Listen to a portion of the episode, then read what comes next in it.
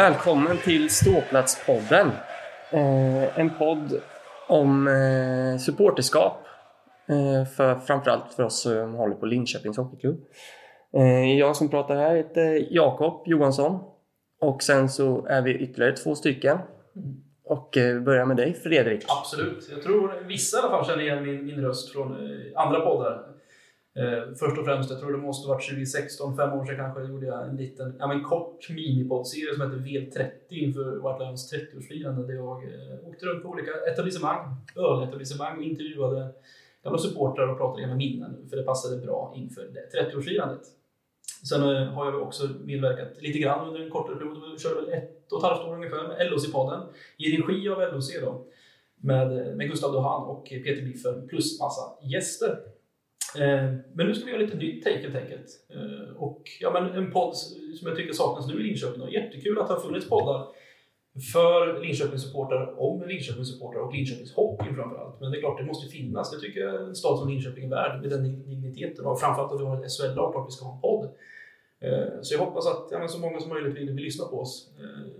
Och det, och det blir så när man, när man startar podd och så, att man gör, gör ju oftast på så sätt att det man tycker saknas och det man själv skulle lyssna på en podd, det är det man gör helt enkelt. Eh, så jag skulle egentligen gå igenom lite grann innan vi, eller ska vi gå igenom dig, presentera dig först kanske Biffen? Jag tycker Ja. vi gör det. Ja. Ja, ja, jag har ju varit supporter ett tag. Sen, eh, 79. Jag är ju skitgammal och eh, skitbakfull om jag ska vara ärlig. Så jag är nog tystare och lugnare än vanligt. Men eh, ja, White Lions ligger mig otroligt varmt om hjärtat. Jag var ju med i den första och startade upp det. Det var inte jag som startade upp det, men jag var med och startade upp det. Vilket är viktigt att poängtera. Och jag, där så är det ju, Janne Serafsky var ju en mycket ledande person där naturligtvis. Och eh, efter det så var vi tvungna att ta tag i det och bilda om White Lions på ett så sätt så att eh, det var lite mer ordning och reda än det var på mig och Janne på den tiden. Och då vart Peter Gren ordförande.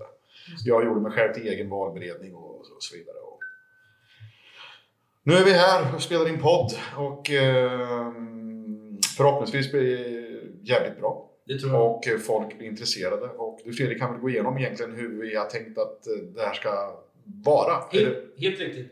Vi kanske först och främst ska säga att vi är en oberoende podd, då, så att det inte råder något tvivel om det. Vi, Eh, vi lyder inte under LOC och inte under White Lions heller, utan vi är helt fristående på så sätt. Eh, så att det är en podd som står helt för sig själv. Eh, sen givetvis kommer vi prata upp och glatt om, om båda de klubbarna, för det är ju det vi, vi supportrar helt enkelt. Vi vill att det ska gå bra för både LOC och White Lions. Och om det då möjligt finns andra grupperingar ute i, i Linköping som älskar hockey.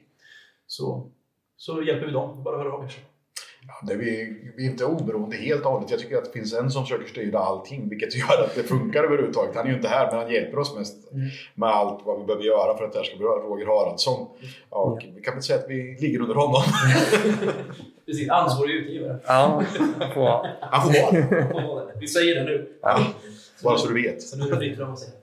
Nej men helt riktigt. Vi hade tänkt så här och det här är ju liksom levande på, på alla sätt och vis. Det är ingenting som är skrivet i sten. Men vi tänker i alla fall att det blir roligast och mest ja, skönt för örat. Men vi håller oss under en timme varje avsnitt. Det behöver inte vara mer än så. Vi försöker göra det veckovis. Och försöker göra aktuellt. Både titta i backspegeln och titta framåt och eh, prata om här och nu. Eh, Så det vi kommer göra varje vecka är att men börja med att prata om vad har hänt eh, just den här veckan, lite kort för oss själva, hur vi upplevt ja, just eh, livet kring hockeyn. Vi kommer även gå igenom det som är basset på internetet just där då. Ni vet alla vad jag pratar om, det som finns på sociala medier. Det finns alltid någon aktuell huvudtackling eller något aktuellt matchstraff eller om det är att Karlskrona har en sponsrad resa av Betsson som kostar 900 kronor till Karlstad med tvång att de ska beläggas hos Betsson. Allt sånt där är kul, för det blir ju samtalsämnen. Även om det då skulle vara till exempel en översvämning i Gävle, vilket också inte är helt tråkigt. De kan ju bygga upp det igen med hjälp av IKEA. absolut, Ja. och det kommer de göra. Vindskäl. Omklädningsrummet Knut. Omklädningsrummet Knut, ja. Eh, lite vattenskador och så. Men det, det kan de ha.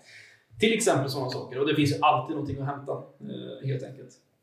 Och det kan ju också komma med önskningar om man vet att men vi vill att ni tar upp det här den här veckan. Sen finns det givetvis ett, ett bra forum som heter Hockeybulletin. Och det finns det också ibland lite eh, aktuella ämnen att, att plocka ur det. För det finns, eh, framförallt nu för tiden, eh, när skaran har blivit fler på Bullen, så tycker jag att ja, men, ja, men det, lever och är igång trots sina ja, men, nästan 20 år på nacken. Hatten av till det faktiskt. Eh, Det ska inte bli en Flashback Forever eller vad blir det då? Bullen Forever-podd eller segment på så sätt vi läser innantill i podden eh, i, i trådar. Men absolut, vi kan lyfta upp till exempel Väla centrum eller diskussionen om covid-19-pass, vilket kan fortfarande bli aktuellt då, även fast det är inga restriktioner. Vi får se. Sen pratar vi givetvis om ja, vad som hänt i veckan rent sportsligt för LHC, men vi går igenom eh, kanske två, en eller tre matcher som LHC A-lag har spelat. Ja, Men då halvdissekerar vi matchen lite grann och pratar om dem. Ja, men en 2-5 torsk mot Luleå, eller om det var en vinst mot Skellefteå hemma, till exempel. Eh, Och även lite kort om hur det har gått för I20 och I18, kanske U16, vi får se. Men också damlaget. Eh, Vi nämner också allt innan Vita Hästen får stryk. Gör vi det? Det måste vi Ja, göra. men då gör vi det. Inte de har vunnit. Nej, det behöver, det behöver ingen veta. Då, då, då gör vi det. Eh, ja, men också prata, för nu blir det aktuellt igen. Nu restriktionerna har släppts på så sätt så nu får vi välkomna fulla arenor. Men, och det är också då även bortafans. Så då kan vi givetvis prata om men läktarmatchen. Hur var den då? Mot? Ja, men vi tyckte det var bra. Gud vilket drag vi fick med den här ramsan. Den måste vi få igång sittplats mer på. Ja, men det tycker jag eh, kan vara väldigt bra att ta upp. Och givetvis ska vi dela ut veckans klubba. Det kan vara en god gärning eller något man har gjort väldigt bra. Det kan vara allt från att klubbdirektören gick ut och sågade HV eller att det var en någon satt in en bra tackling eller gjorde ett riktigt schysst mål. Eller bara en riktigt bra match till exempel. Eh, Så ska det delas ut en veckas klubba. Eller en intervju. Eller en intervju. Absolut. Absolut.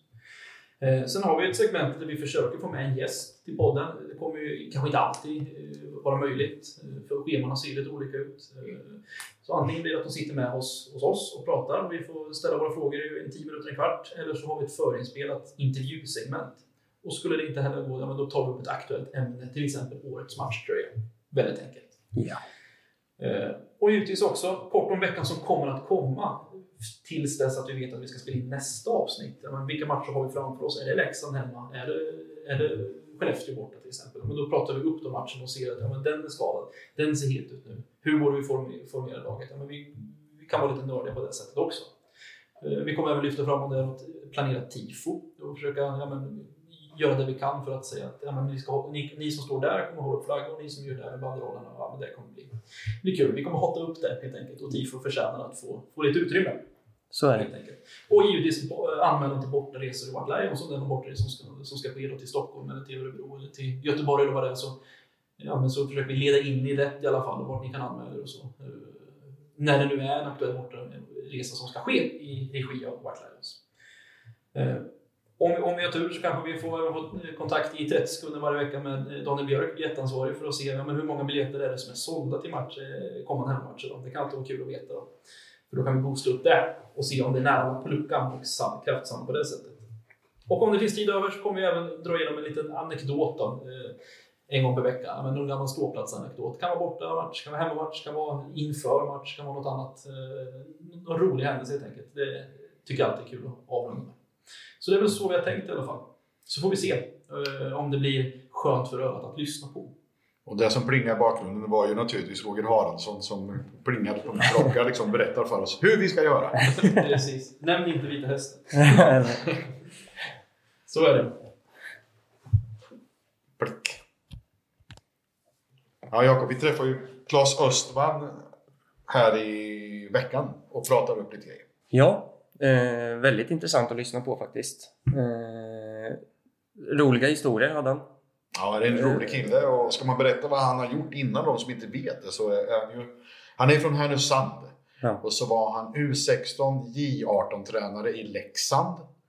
Sen flyttade han till Linköping och hade J18-laget. Sen tog han J20-laget och vann SM-guld. Ja. Där vi har ganska många spelare nu som är i A-laget faktiskt. Ja, väldigt många faktiskt där ju, som har kommit tillbaka då, Ja. säger, som varit ute. Allt ifrån eh, Nordamerika, eh, Djurgården och lite Mm. andra obskyra ställen. Ja, ja men exakt. Men sen så gick han ju istället för att hoppa på LHCs A-trupp så gick han ju till Frölunda. Och var där i ett par säsonger. Var det under Roger Rönnberg? Ja, Ja, han, det var det. Roger Rönnberg har alltid Roger varit och eh, Rob, Robban Olsson var där också som är i Skellefteå nu. Det. Det var de tre som styrde två år sedan. Jag tror att Roger Rönnberg, det är en dröm att han haft J20-laget, J20-kronor. Han har alltid varit i Frölunda. Ja. Han, han, han, han, växte upp där. Fast han har norrländsk. Ja, han är från Luleå, ja. Precis. Men Han gillar inte Luleå. vem gör det? Roger. Precis. Eh, Men sen, vad heter det, kom han tillbaka hit och var med Dan Tangnes. Sen så skulle han varit med Bert Robertson, vilket han berättar om i intervjun också. Ja. Och eh, sen drog han till Schweiz. Och jag tror han varit både kuppmästare, det törs jag inte svära på, men de har någon slags kupp som Svenska kuppen i fotboll, fast i hockey ja. i Schweiz. Och så vart han ju Schweiz, det är svårt att säga Schweiz. Men han Ja. var mästare där i det där landet med röd flagga och vitt kors i alla fall. Mm. Och sen flyttade han tillbaka till Linköping, Ja. vilket jag tycker han gjorde rätt i. Mm. Och... Eh, nej, men vi lyssnar väl på vad han har att säga. Vi har ungefär en halvtimme där vi pratar med honom, så det blir perfekt. Och får ni höra vad han har att säga. Ja, precis. Eh, Vi, kommer lämna det här nu helt enkelt. Det blir inte så mycket mer snack från oss då, så det blir inget hej då. Utan vi avslutar helt enkelt med intervju med, med Claes Östman så kommer vi höras i nästa avsnitt som ja, men kommer ganska snart. Och då följer vi det här skelettet som vi har, har pratat om. Så god lyssning på eh, Claes Östman. Ja. Nu sitter vi här med Claes, nye huvudtränare för i år. Känslan? Mm, bra känsla. Bra känsla. Ja, ser fram emot eh, att dra igång här. Det eh, känns som att det är dags att börja spela på riktigt. Ja, vi kan ju säga det nu när vi spelar in så är det torsdag och premiär på lördag. Mm. Eh, hur känner du att försäsongen har varit? Eh, första tre mm, perioden fram till de tre första matcherna var spelade så var det väldigt, väldigt rörigt. Det kändes som att det var eh, Ja, det var popcorn överallt. Ja. Sen tycker jag vi har börjat hitta lite struktur för hur vi ska jobba som coachteam och hur vi ska träna och spelarna börjar förstå lite vad vi håller på med och sådär. Så det börjar väl långsamt att röra sig i en riktning där man känner att man har lite pejl på vad som händer. Så att, eh, mm. Den hade gärna fått vara lite längre för säsongen, tycker jag. Men eh, det tror jag man alltid tycker. Hur svårt är det liksom då att gå in och pilla i det här som du har varit van Du har jobbat med försvarsspel hur länge som helst och nu ska du jobba med helheten. Är det en svår omställning? Ibland eh, tycker jag att jag har fått liksom bita mig i läppen lite. För jag, jag tror att det är viktigt att eh, ge dem och Nicke eh, få äga sina områden och få liksom göra det. Sen är det klart att jag, jag vill ha det på ett visst sätt. Så det, man kan få väl se det som att jag har fördelen att få verkligen få eh, sätta min prägel på det. Men jag vill ju gärna att eh, de gör det först. Så att, eh, ja, jag får bita mig ibland i läppen. Hur, var det, Schweiz är ju ett eh, fantastiskt ställe att vara hockeyspelare och hockeytränare, tror jag. Eftersom det inte är några så långa resor och jobbigt. Och de har ett annat spelschema som kanske gör att man mer kan vara med familj och så vidare. Från mig sett utifrån i alla fall. Och när jag pratat med folk. Eh, var det grejen att bli huvudtränare en som lockade tillbaka till Sverige och Linköping? Eller varför vart det Linköping? Ah, vi hade bestämt, jag hade bestämt mig redan innan det kom upp på bordet att jag inte skulle vara kvar i Schweiz. Eh, och anledningen till det, det var ju... Ja, dels så var det två speciella år med Corona. Alltså Schweiz var ju igenbommat egentligen nästan två år. Eh, det var matvaruaffärer som var öppna. Eh, vi har två små barn eh, som det fanns som inga aktiviteter och svårt att lära sig språk när man inte hittar några aktiviteter. Så vi kände liksom ett familjebeslut mer att nu ska vi åka hem till Sverige. Sen kom LHC in i bilden. Så att, ja, Men det måste ha varit en fantastiskt rolig tid rent idrottsligt och sportmässigt i Schweiz ja, grymt. stora framgångar. Det var, det var grymt. Vi hade ett fantastiskt lag, eh, jättebra organisation och liksom förutsättningarna för att lyckas var ju, fanns ju verkligen där och vi, vi, vi gjorde ju det också. Så att, eh, det var ja, häftigt och en, en annan typ av liga. Det är lite annorlunda, nya spelare, nya coacher att coacha emot. Och, så att det var kul liksom. Det var, eh, jag tror det var bra för mig också att få komma ifrån SHL och Sverige lite grann. Och, få komma tillbaks med lite fräscha ögon. Jag känner ju dig rätt väl och jag känner ju Dan Tangnes rätt väl. Och det fanns ju en situation i Schweiz som var rolig, tycker vi här.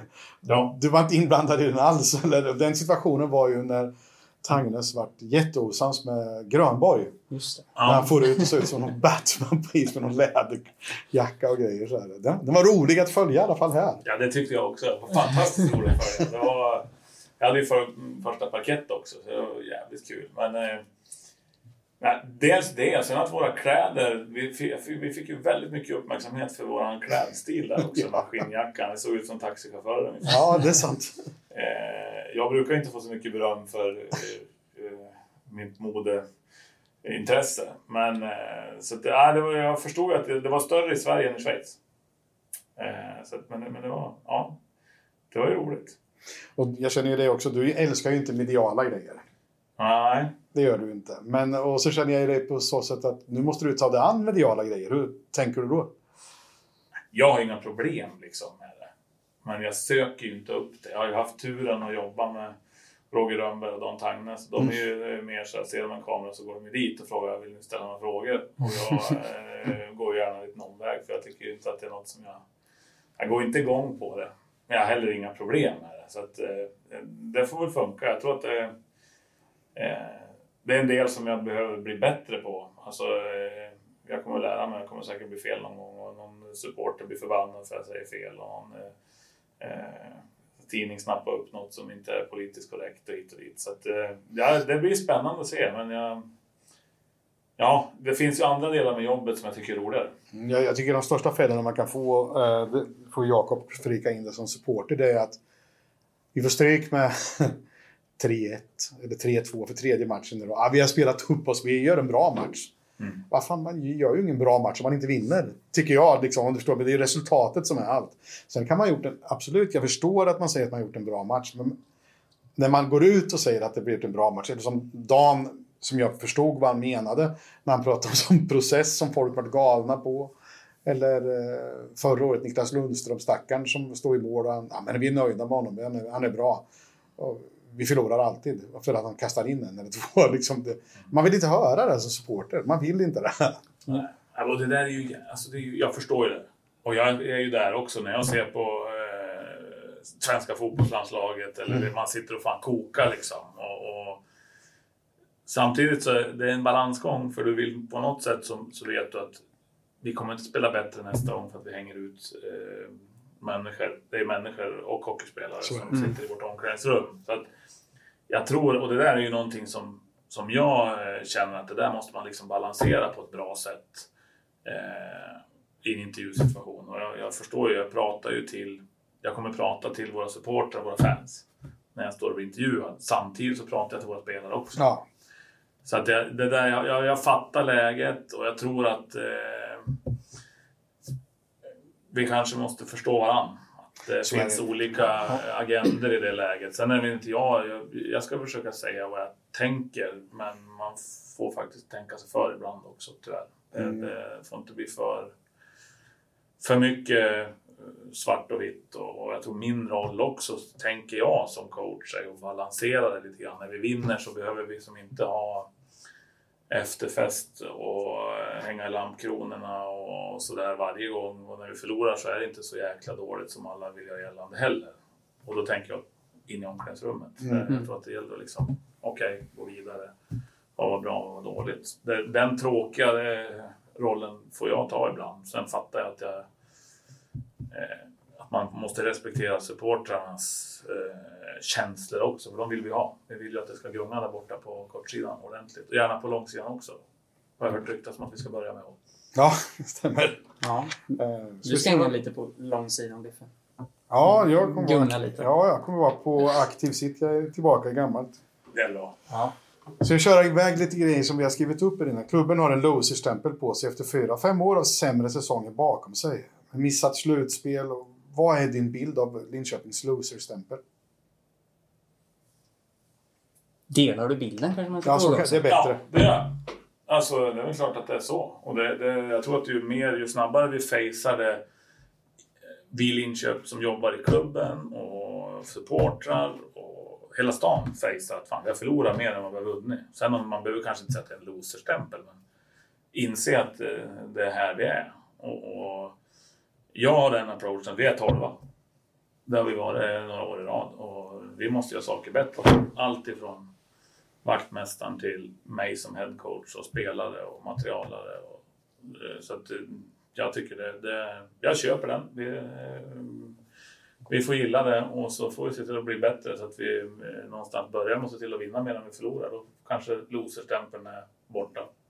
Förr i tiden när man kom till Linköping, pratade vi kanske om Stångebro och tidigt eh, Cloetta Center så var ju Linköpings Hockeyklubb ett litet annorlunda lag. Det var det ju har jag förstått av andra spelare att det gällde att hålla i hatten i första perioden. Höll man den och var med där, då var man med resten av matchen. För inför tredje perioden, då hade man nog vunnit. Om man hade varit med hela vägen där. För att man orkar inte tillräckligt mycket i Linköping. Men i början var det sånt jävla tryck. egentligen. Nu har vi förlorat hur många hemmamatcher som helst. Vi har vunnit cirka 10 av 25 de sista åren. Och det viktigaste man kan göra för att få mer publik och få bättre tryck hela tiden, det är att vinna sina hemmamatcher. Är det någonting man pratar om? Ja, han visste faktiskt inte eh, det. Jag har bara konstaterat att man har- förlorat mer än man har vunnit de sista åren. Men, men det är väl klart att man vill ha... Man vill hellre, om jag får välja så vinner jag ju mycket hellre hemma. Sen är det väl inte så att jag tror inte de sista åren att det är någon som har sprungit runt och tyckt att eh, vi tar inte i så mycket hemma, vi vill inte vinna. Utan det är klart man har försökt att vilja vinna. Så att, eh, ja, vi vill gärna göra det här till våran hemmaborg och vi vill gärna vinna eh, en jäkla massa matcher här på hemmaplan och få det till att bli liksom fullt rock'n'roll när folk kommer hit. Ja, gärna. Det är det som har varit lite grann problemet om man tar tillbaka till Roger Melin, Tangnas kanske. du Tänk, då kändes det som att vi tänkte till när vi spelade hockey. Sen hade vi Bert Robertsson och då skulle vi spela så fort så vi inte hann tänka. Och då var det bara en jävla massa kämpa över hela planen. Då fick man det som publiken hade sagt innan, LHC kämpade inte tillräckligt. Då fick man bara kämpa, inte någon individuell skicklighet. Vi hamnade hela tiden i ytterzonen, tar oss alltid in framför mål i stort sett. Så det, det var inget vidare. Det jag har sett nu, och det såg jag igår, det var inte alls samma. Det, när backarna vände upp så hade de lite mer tid på sig mot att slå ifrån sig pucken direkt närmsta som knappt var någonstans. Utan det var lite mer tanke bakom saker. Kändes det Mm. Är det någonting ni pratar om? Utan att fundera på vad som har varit tidigare så tycker jag ju... Alltså jag tänker så att det är en jäkla balansgång mellan att kämpa, vilket man alltid vill att alla ska göra och göra sitt bästa och allt det där. Och det, det, eh, balansen mellan det och att spela. För ju bättre du spelar, för mig är det ju bollspel ishockey. Det är inte bara... Det, det Wikegård och de här som gapar högst säger att det är en kampsport. Men det, det, för mig är det en bollsport. Eh, och, och ju smartare vi kan spela, desto mindre behöver vi kämpa. Så att, eh, ja det där är ju... Det är en balans tycker jag. Eh, sen är det klart att jag, jag förstår att publiken vill se att man täcker skott och man tacklas och man kör, grimaserar och man får ont och allt det där. Och det, det vill jag också när, det, när, vi, när vi behöver det. Men jag tror inte... För, för mig, jag utgår från att alla spelare gör sitt bästa. Eh, och sen så, så eh, är det någon som inte gör det så får vi försöka att liksom korrigera det på ett klokt sätt. Men, men jag vill gärna att vi ska vara, spela, spela bra och så kämpa i det. Egentligen precis, eh, man ska ju tänka efter, prata lite fotboll mitt i alltihopa. Fotbollslandslaget spelar mot Spanien. Kämpar som gnur och får igenom sitt spel. Ställer ut skorna mot Grekland och tror att nu kämpar skorna. Det gick inte. Jag har inte sett matchen så jag kan inte, kan inte kommentera. Jag har inte haft tid att titta på fotboll. Nej, men precis så var det. Ja, men det var så. Så var det. Jakob, har du något mer här nu? Nej, men jag tänkte vi pratade om det här spelidé och så. Vad vill man stå för? Eller vad känner du att ni som tränarstab med Pajen inblandat också, vad vill ni? Vad vill man stå för för ishockey? Eh, ja, det där är ju en jäkla filosofisk och stor fråga. Ja, vi kan prata lite filosofi också. Det vi vill, det vi, alltså det vi vill att folk ska beskriva LHC som, så vill vi för det första att de ska beskriva att vi spelar tillsammans. Att vi är ett lag och att vi eh, hjälper varandra där ute. Eh, jag vill, vi vill gärna bli beskrivna som ett lag som är duktiga att spela med pucken, som har ett bra passningsspel och som eh, kan skapa egna målchanser. Och så vill vi gärna att de beskriver oss som att vi är bra på att försvara vårt eget mål. Att det är svårt att göra mål på oss. Sen finns det ju olika sätt att göra det där. Ibland så, så eh, kan man spela med jättehög press och vinna pucken snabbt och hit och dit. Och ibland så kan man spela på ett annat sätt. Så jag, jag, men, men jag tror, för mig det stora, så när vi har pucken så vill vi gärna inte ge den till de andra så ofta. Ibland måste man för att det är smart. Eh, Man har ju sett en liten vändning där på hur kulturen i hockeyn de senaste åren. För i början när Skellefteå kom fram, då var det ju mycket sätta press. Och sen så när Växjö har varit framme, de har gjort lite tvärtom och väntat in Mm. på och sätta press lite senare och så? Eller kommer det vända tillbaka igen eller tror du det kommer fortsätta så som Växjö? Deras vinnande spår som de håller på med. Jag vet inte. Jag, jag tror att det kommer att pendla. Det, brukar, det har ju gjort så alltid. Ja. Eh, jag, jag, och det är klart, när, när någon vinner så börjar många titta, vad gör de bra och sådär. Mm. Och SHL har ju varit, tycker jag, sen jag började och vara med runt SHL så tycker jag det var en liten liga där man kopierar de som vinner. Ja, så följer några efter och så blir det liksom, ja, sen svänger det och så är det någon som gör likadant. Så att, det kommer säkert att vara fler lag som är lite återhållsamma och, och sådär. Så kan det nog vara. Min synvinkel får verkligen hoppas att Växjö och Luleå slutar vinna. För det är en final mellan dem, då kan jag lika gärna kolla på text-tv. Ja, det är möjligt. Växjö tar ledningen med 1-0, så lägger man en blöt filt. Det finns inga känslor, ingenting händer. De är skitduktiga, de är asbra. Ja. Men det är så tråkigt så jag dör. de är väldigt bra på att göra en match tråkig att se. Ja, det blir inga känslor, det blir ingenting. Det händer inte så mycket. Sen helt plötsligt står det 3-0 till dem ändå, fast man vet inte vad som händer. Ah, De är upp mål i powerplay. Jag känner igen det. Ja, förväntningarna på stan då, och från supportrar, det är att du ska förvandla vatten till vin. Okej. Nu jäklar. Och eh, det betyder ju då att eh, i, på stan så här och på läktarna så här. Ah, i år kommer vi nog femma, sexa. Jag tror väl inte det. Vad säger du om det? Ja, men det är väl skönt att det är folk som eh, förväntar sig att vi ska vara, vara bra. Men eh, återigen så tror jag självbilden. Vart är vi? Eh, vad har vi för eh, förutsättningar? Var kommer vi ifrån? Jag tror det är bra eh, om alla inser att vi har en resa att göra. Men samtidigt så, eh, alltså, det vore ju korkat att sitta och säga att det är 14 lag vi hoppas vi blir 12. Ja. Det, det känns ju lite eh, halvt, då kan vi nästan ställa in. Ja, Men, men eh, ja, det är väl kul att folk förväntar sig att vi ska vara bra, men, men jag tror att man ska se det på lite längre sikt än att eh, vi, vi, vi ska börja med att spela 52 omgångar och så eh, summerar vi där. Och jag hoppas ju, det vi pratar om i laget, är att vi vill ha en match här inne i april med fullsatt och slutspelshockey. Det var, jag tror att det är 1290 dagar sedan det var slutspelshockey i Saab Arena. något sånt i den stenen. Jag, Så jag, jag hoppas att folk går igång på den känslan. Fan, tänk när vi fyller den där jävla hallen här och det får liksom bubbla och folk kastar in snusdosor och det är, eh, vad heter det, Welcome to the jungle när vi åker in och så liksom jävla kör vi. Det skulle vara kul om vi kunde få, få det. Och då, vad jag vet, då kan man vinna SM-guld också. hur viktig är publiken? Ja, jag tycker de, de här säsongerna utan publik, jag tror det är en ögonöppnare för många. Att det, alltså spelarna, de kan ju, det, det är jätteviktigt tror jag. Dels att få den här pulsen och, och känslan att det är fest och det är match och, och sådär. Så att, ja, för mig, jag tycker det, jag är ju såhär tråkig, jag visar inte massa känslor så här på bänken och sådär. Men jag tycker det är skitkul det här som händer innan och man bygger upp en stämning och liksom.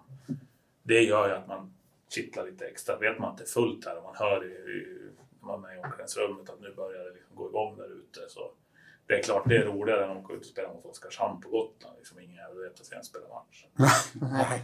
Hur var det gå förbi utanför. när du var i Schweiz? Var det publik då i början när du var där? Ja, första året så var det publik fram till de stängde ner Ja, säsongen. Vad skulle du säga största skillnaden mellan publiken där jämfört med i Sverige? Promillehalten är den största skillnaden. De, Ja. Det är fest varje match. Det, det är ju liksom party.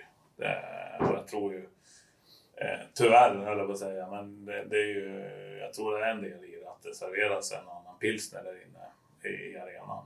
Mm. Eh, men det, det, det är liksom feststämning vart man än kommer och det, det är fulla hus och det är liksom fler tycker jag som, alltså även sittplats är fest.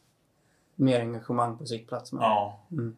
Så att det, det, det, sen, sen är det ju vissa, alltså vardagsmatcherna i Schweiz Mm. är mer hålligång. Än här. Ja. Ja. Så att, eh, det, det, det, det är kul. Sen är det, på ett, det blir ju som på ett lite annat sätt. Sen fattar man inte vad de sjunger och man fattar inte vad fan som händer. Sen sista, andra säsongen så var det ju 50 pers. Då, eh, vi spelade final med 50 pers på läktaren. Sen var det 8000 utanför. jag vet. Så, så Hade de det var lite intressant. Man hörde de- jublet utanför arenan. Hade de storbilder utanför också? Nej, det tror jag inte. Men de körde nog telefoner och sådär. Ja. Hur, hur viktiga är målvakterna? Ja, de är väl jätteviktiga precis som alla andra spelare vi har.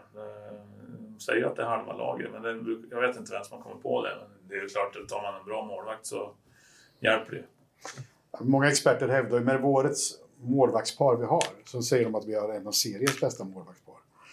Men förra årets målvaktspar, som inte du ska lägga någon anknytning till, eller, till eller någonting, det- så hade vi överlägset Sveriges sämsta målvaktspar. Enligt experterna utifrån. Hade vi haft de här målvakterna i år så hade vi tagit 12-15 poäng mer och då hade vi varit slutspel redan förra året. Är de så viktiga? Ingen aning faktiskt. Det, det, nej, jag, jag vet inte, men eh, vi har, tycker vi har bra målvakter i år. Jag tänker också så här, jag, vi känner ju Jonas Jundan båda två. Han ska ju vara en offensiv spelare framförallt. Han är jävligt duktig offensivt. När han är ute och segrar ibland. Men eh, förra året var han den som täckte mest skott i hela serien. Mm. Det känns konstigt för mig då. Han har fått fel roll. Ingen aning, jag visste jag faktiskt inte. För mig är Jonas Junan en tvåvägs... Ja, det är han absolut. Eh, Men han är väldigt han- duktig offensivt. Ja, han är ju... Eh, fan, han har ju ett lugn tycker jag med pucken och han har ju liksom en pondus och, och vågar ju liksom spela och göra något fel och misstag och sådär också. Så det är klart att han är ett offensivt hot, men jag tycker ju att han är fantastiskt bra försvar också. Eh, så att, för mig är han en tvåvägsback. Jag hoppas han inte ska... Eh, samma sak där, han får gärna täcka skott när han behöver.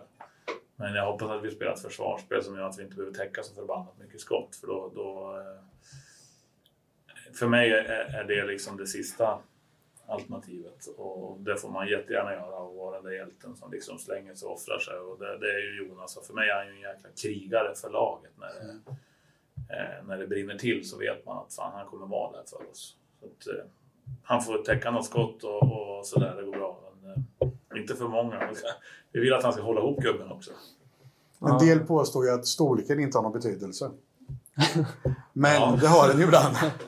Eh, det känns som laget vi värvat nu så har Pajen haft den där armen ut som han har på Liseberg. Den, här får barnen inte åka om man inte är tillräckligt lång. Men vi har värvat alla som kan gå under. Vi är väldigt kort lag. Är vi där? Ja, Alltså Ja. det känns som det... Det är tur vi inte ska åka karusell då. en jävla tur. Ja, men det känns som det har blivit... Alltså om man går tillbaka några år, då var det känns som alla hockeyspelare var över 1,85, 100 kilo.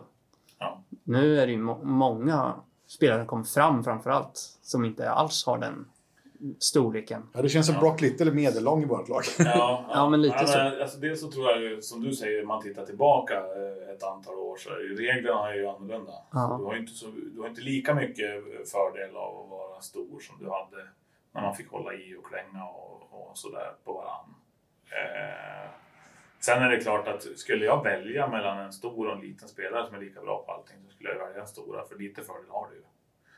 Eh, vårt lag idag, ja, jag, kan, jag, jag, har nog känslan av att vi kommer ju inte vara det laget som tacklar hårdast och som eh, är starkast och, och om vi skulle köra brottningstävling. Eh, vi har ju dels ganska många unga spelare som inte är färdiga, de, de har inte fysiken. Vi satt i hotell, eh, på hotellfrukosten här under den här turneringen i Södertälje, vad den nu heter, och, och Malmö och Brynäs och vi skulle käka frukost ungefär samtidigt där och Sylvegård, eh, Emil kom och, och någon till där och skulle ta frukost och så kom Ljungman och Ljungman och Elliot Ekmark och, och eh, Bystedt och, och plockade äggröra bredvid och då, då tittade vi på varandra och så konstaterade vi att ja, vi kommer inte slå dem på fysik. så att, eh, där, där är vi ju och, och där, därför tror jag också att vi måste vara smarta. De här killarna kommer att bli fullfjädrade fysmonster de också, men eh, de är inte där än. Vi har nog korta grejer till. Här är surr på läktare och så vidare. Du lämnade LHC ganska kort efter samarbetet med Bert Robertson. Var det största anledningen till att du lämnade LHC? Eller fanns det flera anledningar? Vad var frågan om... Du lämnade ganska kort efter att du och Bert hade börjat samarbeta Okej. Mm. Till Så Schweiz. Om det var på, på grund av Bert som jag lämnade? Ja, det, jag väger inte in riktigt, men var det det? Eller Nej. var det bara utmaningen? Ja, det var, hade inte ett dugg med Bert att göra. Utan det var... Eh, vilket jag eh, kände då en unik möjlighet att, att få göra någonting som man inte var säker att frågan skulle komma igen. Och eh, jag, jag tyckte att det kändes skit gentemot Bert att lämna. Eh, och jag tyckte vi, vi hade börjat lära känna varandra och eh, hade börjat jobba tillsammans och hade planer ihop så det kändes ju eh, inte så bra att liksom göra det. Men eh, nu valde vi att valde vi att lösa det och mm, ja, det var, det var ett rent egoistiskt beslut där jag såg en möjlighet att få göra någonting som jag var osäker om jag skulle få chansen att göra igen. Så det hade inget. Jag vill säga det, jag tror, att det, hade- jag tror att det hade blivit jävligt bra. Jag tror det. Ja. Ja, det känns som ni hade kompletterat honom bra. Utan att veta mer. Ja, nej, jag vet. Och jag, jag förstår ju den där, då finns den där bilden av Berte på ett sätt och jag på ett annat sätt. Och, och, men, men den korta tiden vi hade ihop så kan jag säga att det, det, vi, vi, hade, vi var inte så långt ifrån varandra. Sen eh, tror jag vi ville väldigt mycket samma sak men vi kanske hade haft olika sätt att nå dit. Mm. Eh, men men eh, ja, jag förstår den där bilden av att en, Ja, för en bilden är är... snäll och en är dum. Men Ja, det är men inte jag- riktigt så. Nej. Jag vet ju att du kan bli väldigt arg till exempel. Jag vet det. Mm. Och Bert vet alla att han kan bli väldigt arg. Så att det är lite olika. Sådär. Men två, två bra hockeytränare tror jag som passar olika på olika sätt. Eh, två grejer till då. Du har ju, var ju B-junior, eller J18-tränare tillsammans med en eh, White Lions-legendar. Ja. Ni satt i en buss på väg ner till en ort i Småland som vi kallar Troja. Ja. Eller det är, vad fan, Ljungby. Mm. uppstod en viss problem där för att den här personen var ju avstängd på livstid för att komma in i Ljungbys ishall. Hur löste ni det och hur fortlöpte det och hur kom det fram? Det här var ju roligt för det var, alltså jag kom ju ny eh, som ny juniortränare till Linköping och, och hade jobbat i Leksand tidigare. Och LHC då på juniorsidan var ju på väg att starta upp något egentligen. Man hade gjort något år och försökt att liksom börja bli mer professionell eller seriös eller vad man nu ska kalla det för. Och, och, men man hade väl inte nått hela vägen riktigt så det var ju lite sådär barnsjukdomar i, i organisationen och det, hit och dit. Då. Men, men i alla fall vid första bortaresan tror jag att det var till och med så, så satt vi på bussen och den här materialen som jag precis hade träffat och lärt känna lite grann. Vi kan kalla honom Janne Söta. Ja, det Ja, kan vi göra. det räcker Eh, så. halv, halvvägs till Ljungby så, så kläcker han nu så att du Claes, det här kan, kan bli problem. Det borde vara lugnt. De har nog glömt. Men, men det är en grej. Jaha, tänkte jag. Ja, vadå? Men, "Nej, jag är avstängd här på livstid. Vet du. Det, det hände en grej. Sen vet jag inte. Jag har ju hört stories om det var någon tegelstening på isen eller om det var någon bomb under läktaren. Eller vad det, det finns lite olika versioner. Eh, det får väl fråga Janne eh, vilken som stämmer. Om han vet det själv. En liten Men- cliffhanger så får Janne komma hit och Ja, berätta. Ja, han bör väl vara med här. Men, men det var lite kul. Det var en rätt så skön... Men vi, vi kom in i hallen och det var nog ingen som kände igen honom. Han, han, eh, han fick vara med. Ja, det var ju kul. Så där då. Avslutningsvis, man brukar säga om Härnösand att det är fint på sommaren och fint vid vattnet. Säger man det om alla svenska städer eller är Härnösand undantaget? Härnösand är ju Norrlands Aten. Intressant. Visste ni inte det? det hade jag inte en aning om. Men det kallas för Norrlands Aten. Och det är ju för att... Ja, det, det kan ni försöka lista ut själva varför. Men, men eh, det är fantastiskt fint på sommaren och det är fint vid vattnet. Eh, White Lions firar 35 år på ståplats. Mm. Om du fick önska dig någonting på det här firandet som vi har, vad, fick, vad skulle det vara? Ja, Jag tycker det har varit coolt med de här, när man har kört de här samlingarna med det gamla gardet här och, och de här back in the days tror jag de kallas för. Och, och jag har ju sett lite filmer på när min gamla kompis Janne Zäta drar igång något på stan och så liksom tågar man till hallen och så får jag se, kunde jag få se honom. Det behöver inte vara i bara överkropp. Men Det är en för- åtminstone det är en fördel. Upp, upp, ja det är en klar fördel, men i alla fall upp i buren och dra igång några ramser under den här, den här matchen som jag antar att man ska ha som någon sorts jubileumsmatch. Så eh, det hade ju varit grymt alltså. Det, det vill jag gärna säga. Ja, men om vi får upp Janne där i bar överkropp och säger att i den andra buren är jag i bar överkropp och vi vinner matchen. Går du av isen i bar överkropp då? Ja, det gör jag. Hela, Bra. Hela ståplats kommer vara bara bra. Fan, jag hade egentligen en grej till, men jag kommer inte ihåg. Just det, det var den där stående frågan. Ja, får du klippa in. ja men det klipper vi in. Ehm, Så en Stå- spelare kommer få den där frågan. Vi har en, kommer ha en en stående fråga till alla gäster som vi har. Och det är eh, vilken spelare tycker du är bäst i klubbens historia?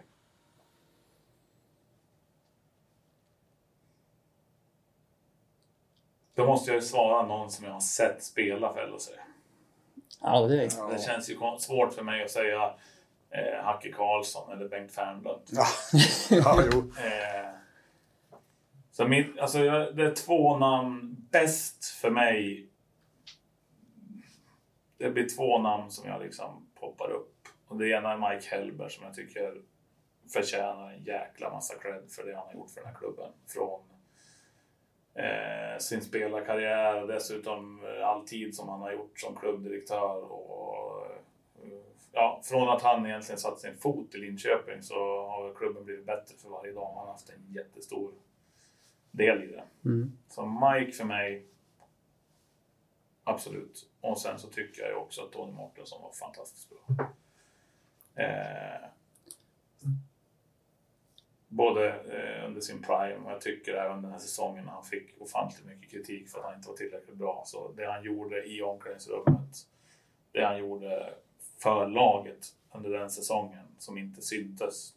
Det, för mig var det också eh, imponerande med hans Mm. CV, hur han liksom bjöd till på alla sätt och vis fast han inte fick chansen att skina själv. En liten kul grej med Tony var att jag såg han följa oss på Twitter nu på vår podcast. Ja, det kan jag tänka mig. Det är kul. Och så Mange såklart. Ja, Bästa spelare Mange. Men jag tycker de andra två förtjänar eh, också att nämnas. ja.